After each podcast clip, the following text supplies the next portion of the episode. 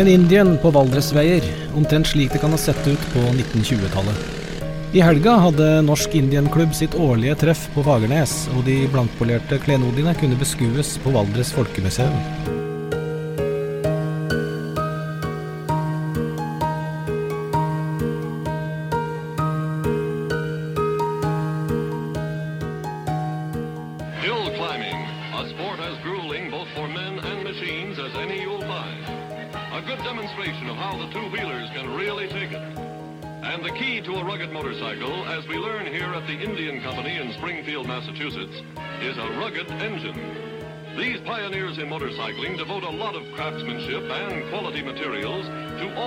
Parts of the vehicle, of course. But their real prize is the 80 cubic inch side valve engine.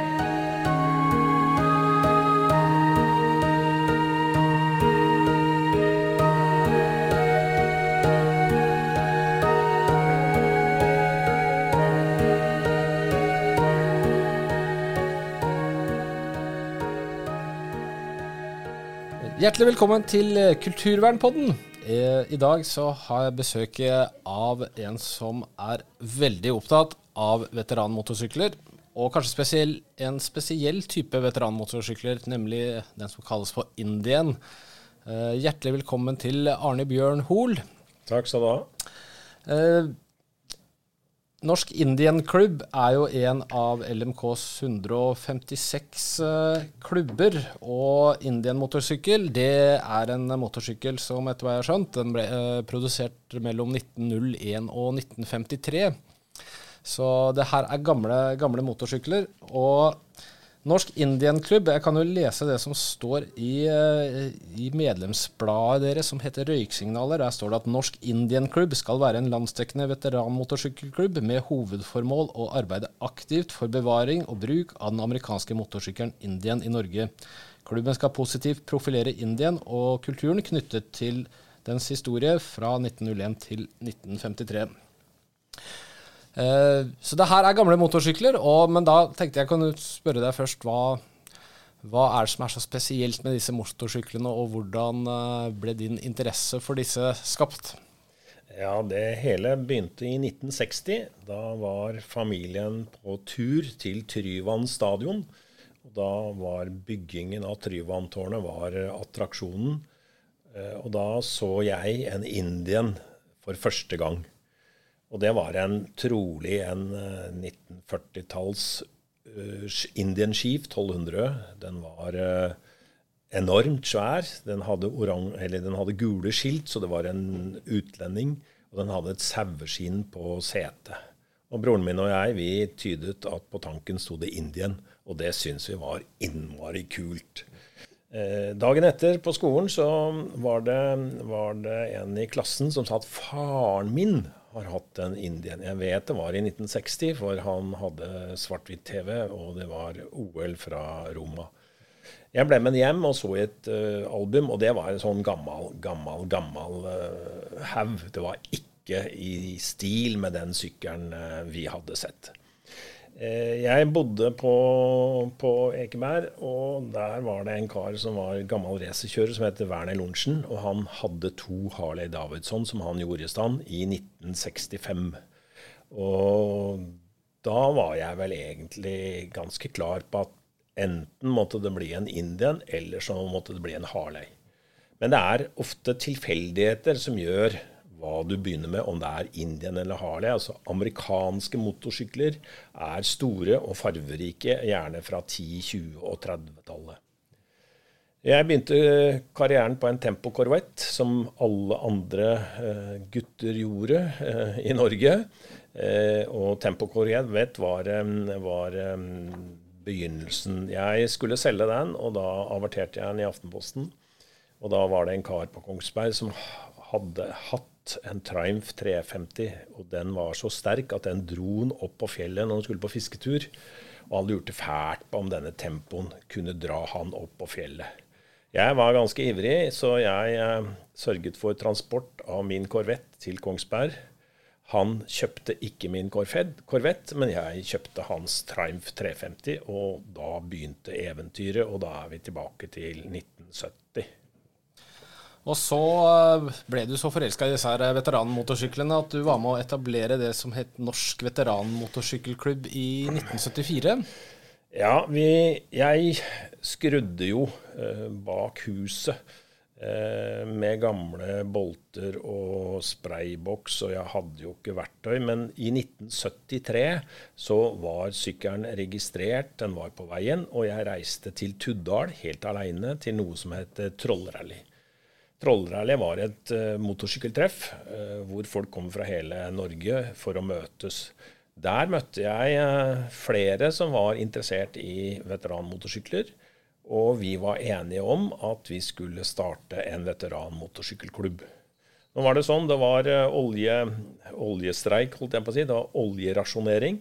Så Norsk veteranmotorsykkelklubb ble stifta i 1974.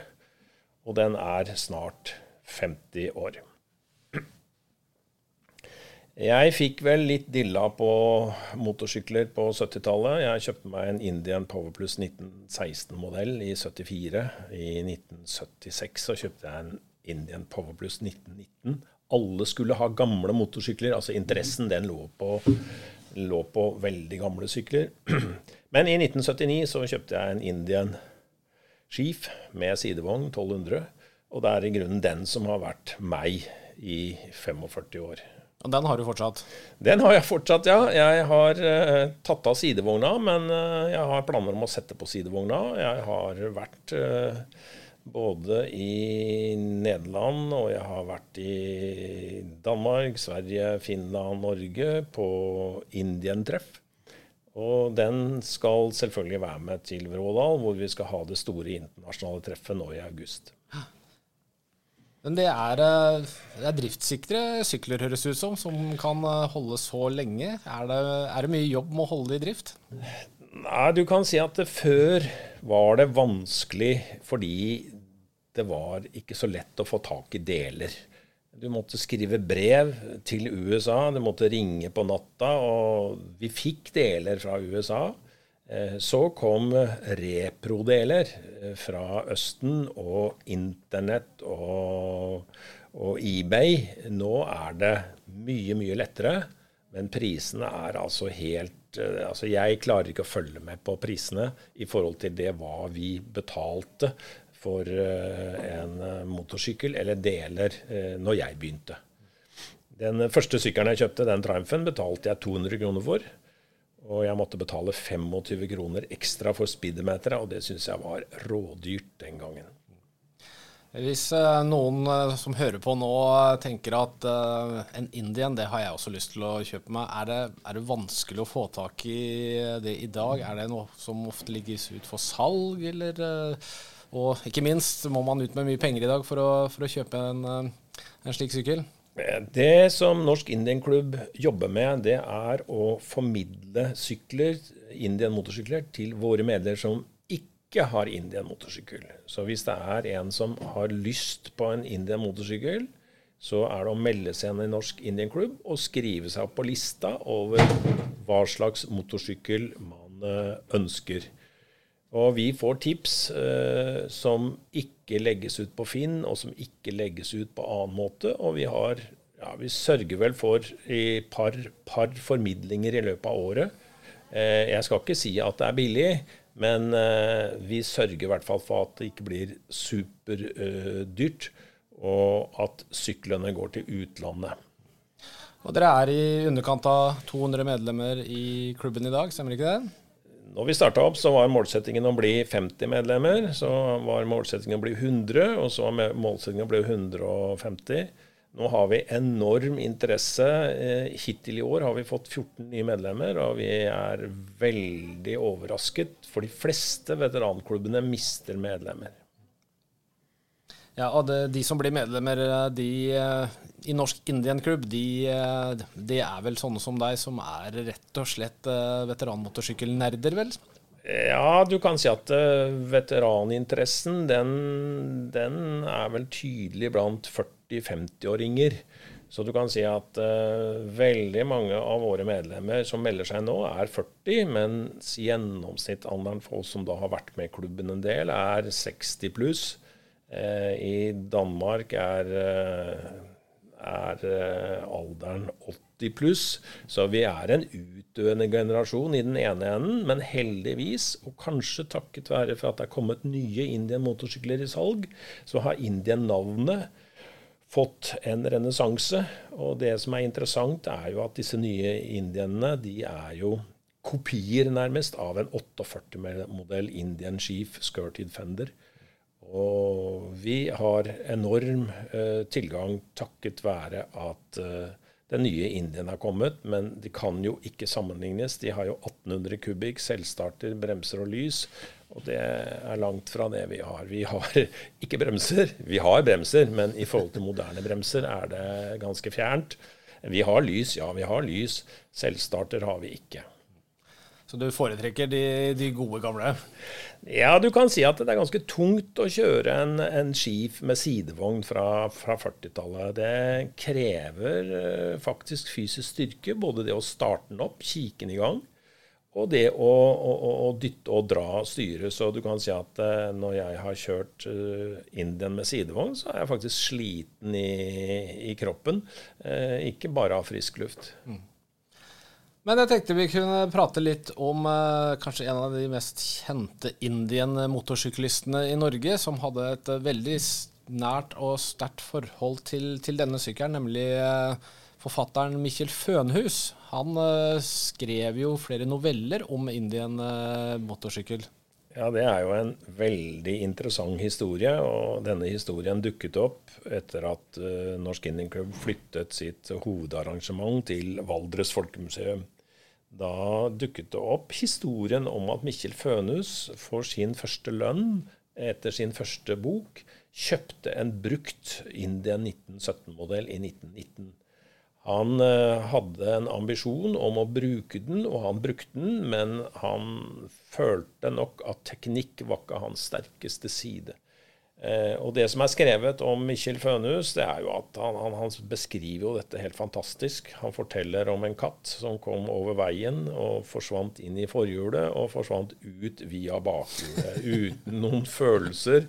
Så var det en veldig fin beskrivelse. Han har også beskrevet eh, stabbesteiner, hvordan de farer forbi så det blir et tett gjerde. Han skriver det samme om telefonstolper. Og han eh, har jo da i 1919, når han skulle til forlaget i Oslo, forvillet seg inn i innkomsten til Trondheimsrittet.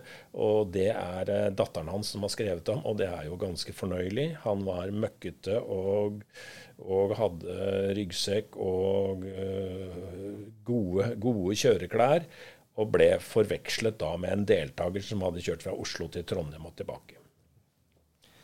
Og dere gjorde et forsøk på å finne denne Indian motorsykkelen til, eh, til Fønhus?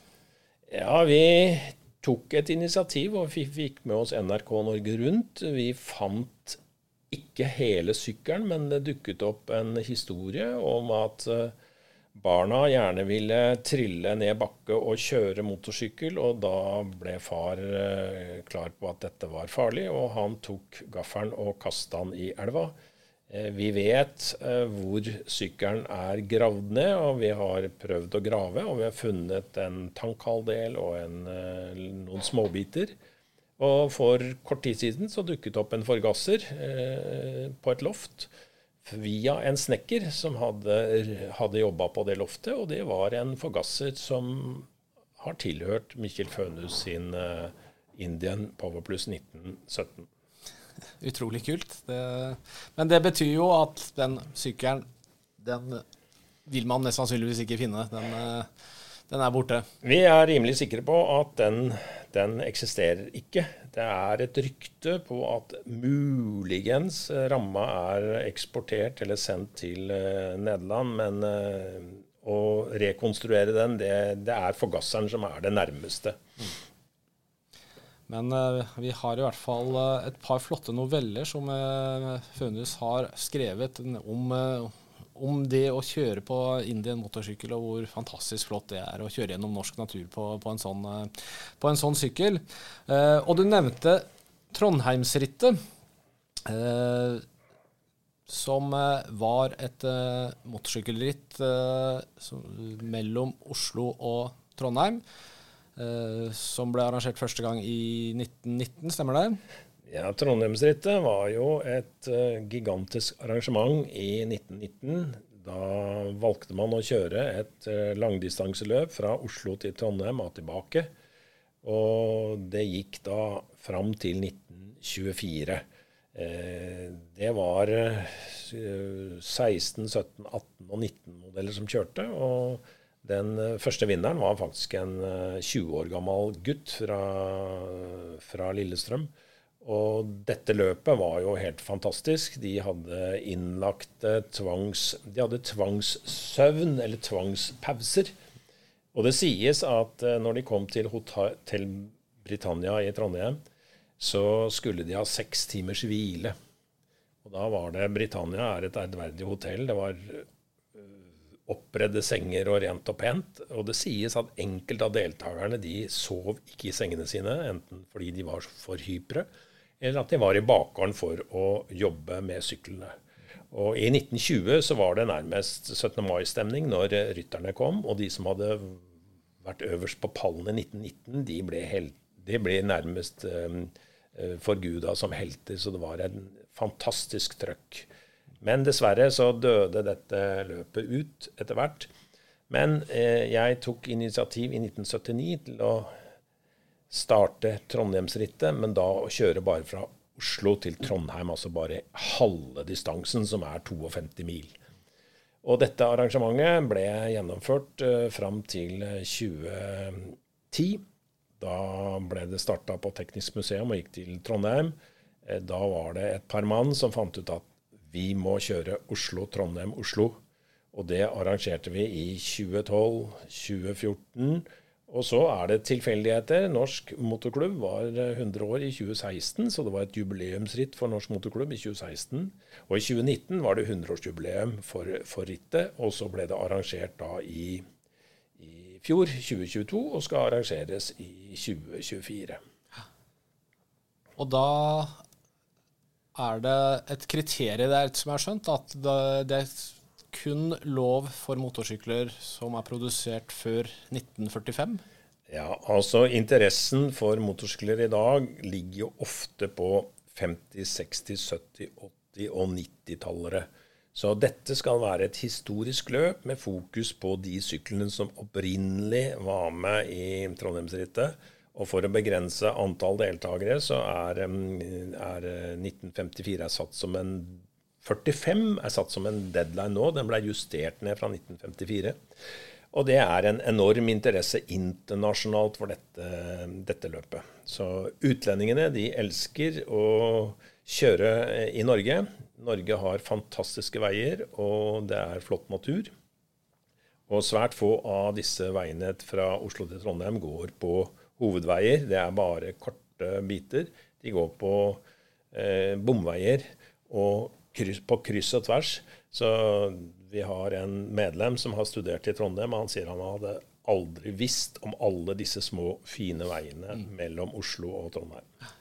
Jeg har jo sett noen, noen bilder som du har vist meg fra, fra, dette rittet her, og det er jo helt fantastisk å se den kortesjen med gamle motorsykler som kommer oppover støvete grusveier, og folk som står langs ruta, og blide barn, og det må jo være et eventyr å være med på?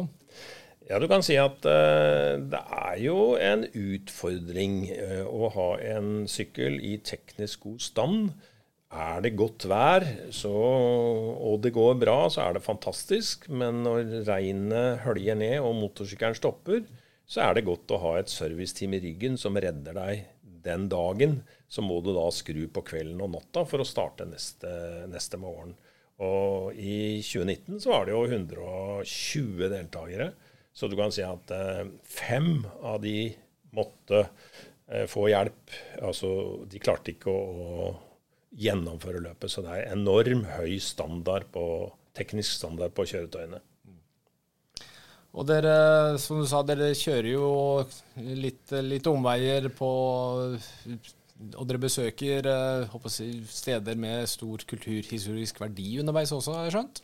Ja, vi prøver jo i utgangspunktet å gjennomføre løpet der det opprinnelig gikk. Så vi har vært eh, på Røros flere ganger, og vi har vært innom disse stedene hvor de hadde kontroller i, i, i 1919 og 1920 og 21.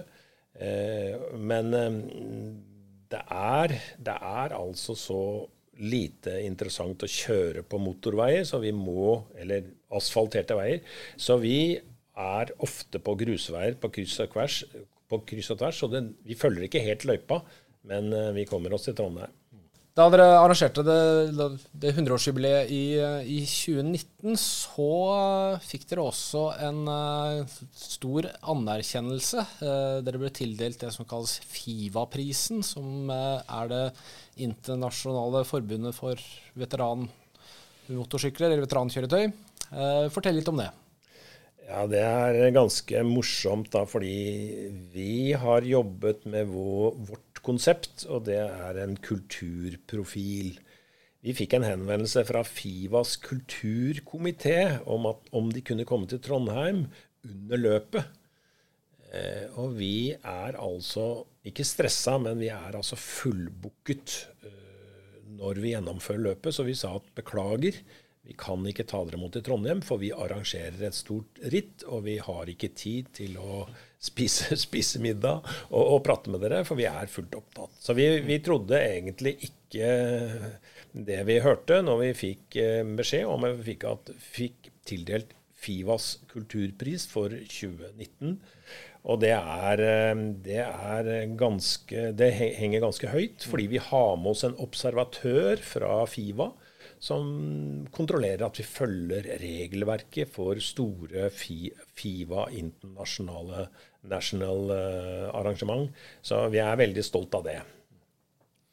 Ja, for uh, du snakker om uh, motorsykkelen i norsk kulturhistorie. Hva, hva har, vi skal snakke litt stort om det. Hva, hva, hva har motorsykkelen betydd for, for norsk kulturhistorie? eller for norsk historie, egentlig? Hva ja, vi snakker jo om en samferdselshistorie. og Utgangspunktet var jo at en tråsykkel det var utgangspunktet for en motorsykkel.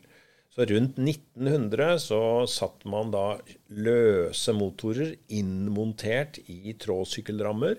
Og dette var begynnelsen på produksjon av motorsykler. Eh, min bestefar, Arnt Hoel senior, han eh, eide i 1913 en Engstrøm 1902. Det er den, en av de eldste syklene som fins i dag, og den fins i dag i utstilling på Norsk Veimuseum. Den er en uh, egenprodusert motor av uh, Engstrøm, som var verksmester hos Sontum. Og det ble bare laget ett eksemplar av denne sykkelen. Så kom, så kom, det europeiske sykler eh, som var serieprodusert fra 1905, 6, 7, 8. Og fram til 1914 så er det veldig mange engelske og europeiske uh, sykler i Norge som egentlig er forsterkede motorsykkelrammer med motor i. Og så fra 1914 så begynte importen av motorsykler fra USA. Og etter at uh, første verdenskrig var over, så var det hadde det vært overproduksjon av motorsykler i USA, og de klarte man ikke å selge i USA, og de blir sendt til Europa og til Norge. Så Norge var et stort land som tok imot eh, Indian, Harley Davidson, Excelsior, Reading Standard, Thor, Cleveland osv. Så, videre. så Norge var et eh, I Norge fins det vanvittig mange amerikanske sykler fra, fra 1916 til eh, 1930, i hvert fall. Mm. Uh, og for noen år siden så åpna et nytt museum i Lillehammer som heter uh, Norsk uh? Veimuseum. Veimuseum. og der var du rådgiver? Ja, altså LMK jo, fikk jo en forespørsel om hvem som kunne bistå dem med motorsykkelutstillingen, faglig i forhold til motorsykkelutstillingen. Og jeg var den eneste som da representerte motorsykler i dette utvalget som lagde en hovedutstilling som var ferdig i 2019. Uheldigvis var åpningen av museet samme dag som vi kjørte Trondheimsrittet, så da var jeg på vei til Trondheim med motorsykkel, og museet ble åpnet, og det har jo vært en suksess. Senere har jeg også bidratt med en temporærutstilling om Basse-VM. Så du kan si at eh, Norsk Veimuseum er eh, blitt et nytt og fantastisk museum hvor de har biler og motorsykler, i tillegg til hva de hadde fra, fra tidligere av, av uh, veihistorie, samferdselshistorie. Men uh, du har også en litt spesiell historie fra, fra Valdresmuseet, når dere skulle ha et uh, Indian-treff der for noen år siden. Det som skjedde, var at vi skulle flytte Indian Summer Meet fra Gudbrandsdalen til uh, Valdres. Og da tok jeg initiativ til et møte med Valdres Folkemuseum og tenkte at dette er stedet vi, hvor vi kan samarbeide. Eh, av en eller annen grunn så ville museet ha betalt for at vi brukte museet. Eh, jeg var rimelig uenig og sa at eh, dette er ganske viktig, at museet ikke er bygninger som bare står og står og står. Her må dere få inn noe liv og røre. Og jeg er rimelig sikker på at veteranmotorsykler er fengende for publikum. Jeg fikk ja, og konsekvensen av det er at vi etter et par år laget en utstilling. Vi fant fram Valdres eldste bil. Vi fant fram Valdres eldste motorsykkel. Året etter så kåret vi Norges eldste motorsykkel på museet. Og så dukket det opp en bensinbu som sto ganske grå og forlagt, forlatt på tunet. Eh, og jeg lurte på om de kunne låse den opp, og inni der lå det noen farverike emaljeskilt som ble skrudd opp. Og så kommer jeg tilbake og sier at denne bensinbua må restaureres slik at den blir sånn som den sto på Fagernes på 20-tallet. Og et samarbeid da med Valdres Veteranvogners Venner og Norsk Indienglubb, så gjorde vi den jobben for dem, og det var kjempespennende. Og veldig morsomt å kunne bidra for Valdres Folkemuseum med sånne ting. Og I tillegg så dukket jo denne saken opp med Mikkjel Fønhus, så jeg må jo si at det var jo Valdres Folkemuseum som eh, fikk oss på rett spor. Men det morsomste av alt er jo at vi har jo prøvd å legge inn kultur på disse turene på Indian Summer Meet. Og da fant vi ut at i Valdres er det mange stavkirker. Så vi la inn i programmet at deltakerne skulle ta bilde av sin motorsykkel med en av disse tre-fire stavkirkene i bakgrunn. Og dette ble veldig populært, og det ble tatt mange fantastiske bilder. Og så innførte vi et nytt ord, og det er stavkirkesafari. Det er et helt nytt ord. Og så var det en svenske som sa at ja, dette må vi gjøre i Sverige, men problemet i Sverige er at de kanskje bare har én eller to stavkirker. Så da ble det kyrkosafari. Ja. Og det siste som har dukket opp, det er at på omvisninger i, i, i stavkirker i Valdres nå, så heter det kirkesafari. Så vi påstår at vi er opphavet til stavkirkesafari, et nytt norsk ord. Det er vi rimelig sikre på at vi var de første som kom med. Da kan jeg jo også nevne at uh, Kulturvernforbundet skal ha en konferanse i høst, i september, som heter Kulturarvkonferansen, hvor også Trondheimsrittet deltok for et uh, par år siden med et innlegg. Og i år så skal vi ha med en uh, veldig spennende gjest som har vært på et sånt stavkirkesafari. men han har brukt en vanlig tråsykkel, en som heter Tare Teksum. Og ikke bare har han sykla til alle Norges stavkirker, men han han eh, er også døvblind, så han har hatt med seg en ledsager. Og i sommer så skal han besøke den aller siste norske stavkirka, som ikke befinner seg i Norge, men i, i Polen. Så dit skal han, eh, skal han sykle nå, nå, i sommer. Og det kan, eh, kan, dere høre mer om hvis dere kommer på Kulturarvkonferansen i september. Svært, svært gjerne. Eh, vi har jo da videreført denne kulturprofilen til eh, Indian Summer Meet, som hvert tiende år tildeles å være et internasjonalt arrangement. Og eh, i 2010 så arrangerte vi Internasjonal Indian Rally. Det arrangerte vi i Valdres. Og da innførte vi noe nytt. Det var hill climb, altså bakkeløp. Og dette fikk Ja, vi hadde melkespannkast også, men det viste seg å være livsfarlig, så det skal vi ikke snakke så mye om. Men hillclimb det er altså en idrett i USA på 20-tallet, hvor man kjørte da opp uh, unnarennet på hoppbakker. Og den som kom lengst, han vant.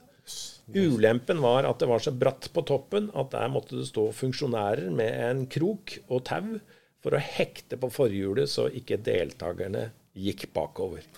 Så uh, hillclimben i 2010 den gikk på YouTube, uh, og folk syntes det var så gøy, men de kjører jo da selvfølgelig ikke fort. De får oppgitt en hastighet som er rimelig lav, langt under uh, hastigheten på veien.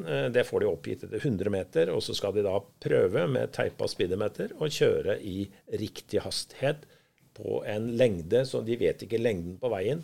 Så det er, For utlendinger er dette kjempegøy, fordi i, internasjonalt så har man ja, I Danmark kjører man drag race, altså man kjører på en drag race-stripe. Men det er en sånn aktivitet som er ganske morsom, og vi er veldig fornøyd med, med hill climb. Og når vi nå flytter Vi har fått tildelt det nye, nye arrangementet International Indian Rally Norway 2023. Vi har flyttet det til Vrådal i Telemark. Og Det første vi gjorde, var å finne veien opp til alpinanlegget. Og Neste punkt det var å finne en stavkirke, og den fant vi i Eidsborg. Og så fant, dukket det opp det ene interessante kulturobjektet etter hvert. Så nå har vi et eh, veldig omfattende program. Arrangementet skjer i august, 3. til 6. Eh, august. Og vi antar at det kommer 350 deltakere. Og nå er vi oppe i 12 eller 13 nasjoner. Vi har en kar som er japansk statsborger. Han skal tydeligvis låne en sykkel i Tyskland. Og i 2010 så hadde vi med USA, og vi hadde med Australia. Ehm, og ehm, dette er et utrolig interessant arrangement hvor vi prøver å markedsføre norsk natur og norsk kultur. Eh, vi, har, eh, vi skal besøke Morgedal, skisportens vugge. Vi har leid en kanalbåt. Vi skal via Dalen hotell til Eidsborg. Vi skal eh, til kanalpassering på Lunde brygge. Vi skal se på Trollbilen i Lunde.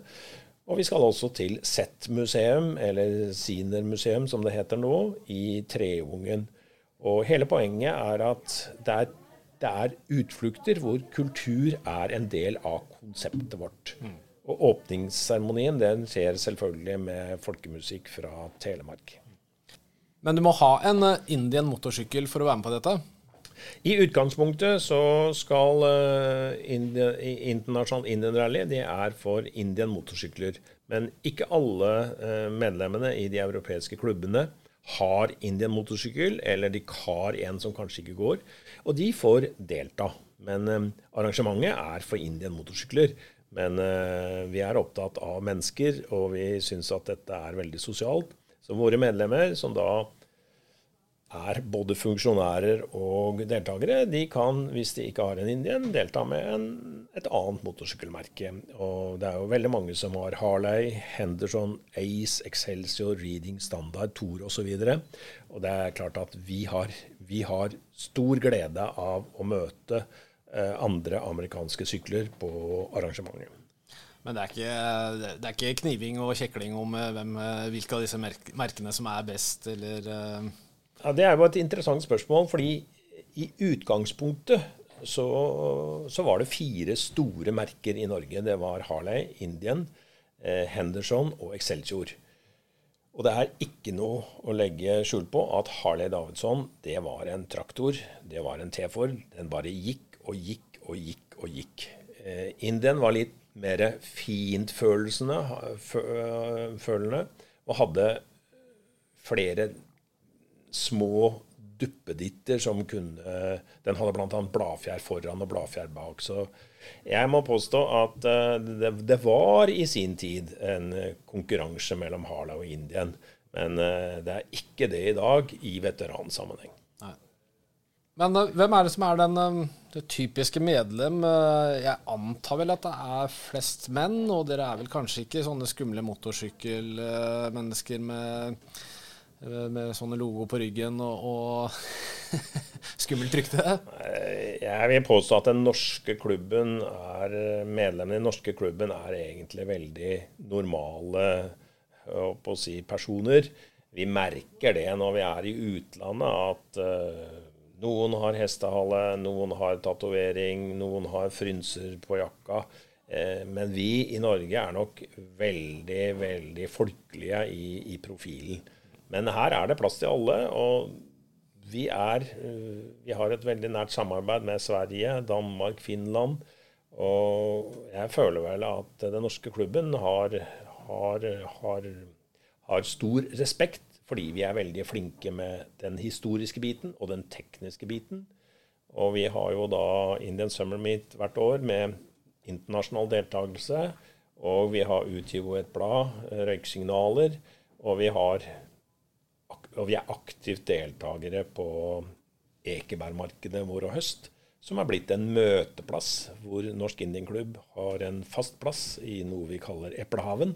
Og der møtes alle motorsykkelinteresserte, uansett om de har Harley, Indian, Excelsior eller Standard. Så vi er folkelige i fremtoningen. Mm. Men dere deltar uh, også på, på, sånne treff og møter i, i, i, utlandet også? Ja, dette internasjonalt Indian-rally det flyttes jo rundt mellom 10-11-12 nasjoner. Så vi, vi, i fjor var vi i Nederland. I Norge er arrangement i Norge. Til neste år er det Tsjekkia, og så er det Danmark i 2025. Så jeg for min del planlegger 2025 allerede. Eh, og vi har jo da vært eh, rundt hele eh, Europa med syklene våre. Men hvordan, hvis du skal sammenligne si, det norske veteranmotorsykkelmiljøet med, med, andre land, er vi, er vi, flinke på å ivareta motorsykler og, i Norge og ta vare på både historikken og objektene? Ja, du kan si at eh, Norsk Teknisk Museum har jo for så vidt ikke prioritert eh, motorsykler. Men det nye Veimuseet har gjort det. Eh, og jeg må si at eh, Norge har jo blitt flinkere og flinkere i forhold til restaurering av gamle motorsykler. Så er det én ting som er viktig. Norge er et fantastisk land. Fordi det er ingen norsk bonde som har kasta en skrue eller en spiker og en veteranmotorsykkel eller en Tempo Corvette tar så liten plass at vi har opplevd sykler hvor man har sagda styret for å ha sykkelen i fjøsgangen, og der har de stått i 40 år. Og eh, Indian Power Plus, som jeg har drevet mest med, er, er, er metervare i Norge. Vi var i Nederland, og jeg møtte to engelske brødre som var så stolte, for den ene hadde en 17 Indian, og den andre hadde en 19 og så sier jeg ja, dette er metervare i Norge, sier jeg litt sleivete. Og da himla de med øya, for dette var Englands to eneste Powerplus. Men uh, jeg uh, telte opp uh, for flere år siden 50 Indian Powerplus 1920, 1919, 20, 21, 22. Og etter at Facebook er kommet, og etter at Internett er kommet, så dukker det opp støtt og stadig motorsykler som vi ikke har visst om og som har, står gjemt. Eh, og her for et par dager siden dukket jo opp en 22-modell som ingen har hørt om. Og tre uker siden dukket opp en 15-modell i Fredrikstad som ingen hadde visst om. Én visste om den, og han ga tipset videre. Så du kan si Norge er et fantastisk land, og det har jo gjort at utlendinger er veldig ivrige på å handle i Norge. Ulempen med det er at uh, nå er uh, norske krona svak. Og hvis du averterer på Finn, så kan du være rimelig sikker på at du får bud fra Europa like raskt som du får bud fra Norge. Mm. Så det står altså en del skjulte skatter rundt omkring eh, i, i lover og, og skjul. Det, det, vil jo bety at eh, det kommer sikkert til å dukke opp eh, enda flere i årene som kommer også? Ja, det er, det er altså vi er vi er overrasket, for vi trodde uh, vi hadde kontroll på de indiene som var i Norge. Men uh, i de seinere åra har det dukket opp så mange sykler som vi ikke har uh, visst om. Så jeg tror at Norge det vil fremdeles være et drømmeland, bare man ikke nå lar seg friste til å selge til utlandet. Men du sa det er 14 nye medlemmer. Det betyr jo at det, er, det rekrutteres godt. Så det, så det er en god framtid for, for disse veteranmotorsyklene også? Ja, i hvert fall for Indien. Fordi vi har jo markedsført oss som en klubb som er aktiv. Og bare det å være på Ekebergmarkedet og ha utstilling Vi har utstilling på Ekebergmarkedet. Vi er ikke der for å selge, vi er for å, der for å vise oss fram. Og fordi vi da har Indian eh, Summer Meet, som vi har holdt på nå i snart eh, 20 år, og at vi får tildelt internasjonalt Indian Rally, gjør at eh, vi får mye medieoppmerksomhet. Og veldig mange syns at dette er kult. Eh, og en Indian er jo en kul, farverik sykkel. Den er jo i utgangspunktet burgunderrød med gull staffering og med svart eh, lakk og eh, nikkel, så er det jo faktisk et, et møbel. Og flere av våre, våre, medlemmer har sykkelen stående inne i stua og syns at det er eh, like bra som noe annet. Ja. Så hvis eh, noen som hører på nå tenker at Indian, det, det kan jeg godt tenke meg å, å, å vite mer om og kanskje investere i, da kan det være lurt å ta, ta kontakt med dere i Norsk Indian Klubb? Ja, altså Norsk Indian Club er helt naturlig å ta kontakt med. Det er, eh, koster 400 kroner året å være medlem. Og hvis du ikke har en Indian motorsykkel fra før av, så kan du skrive en, eh, ditt ønske. Og akkurat nå har vi to på ønskelista. I fjor hadde vi fire, men to av dem fikk tildelt, eller fikk tips under radaren på sykler som var til solgs i Norge, og de gjorde handler begge to. Men da kan vi jo konkludere med at det er en god framtid for, eh, for, norsk uh, Indien også. Og da tenker jeg vi skal avslutte der. Og så vil jeg ønske dere lykke til nå i sommer, når dere skal ha et uh, det som kalles International Indian Rally Norway i Vrådal. 3. til, uh, til 6. august. Eh, så tusen takk for at du, du var med her i studio, Arnebjørn. Takk skal du ha. Veldig hyggelig.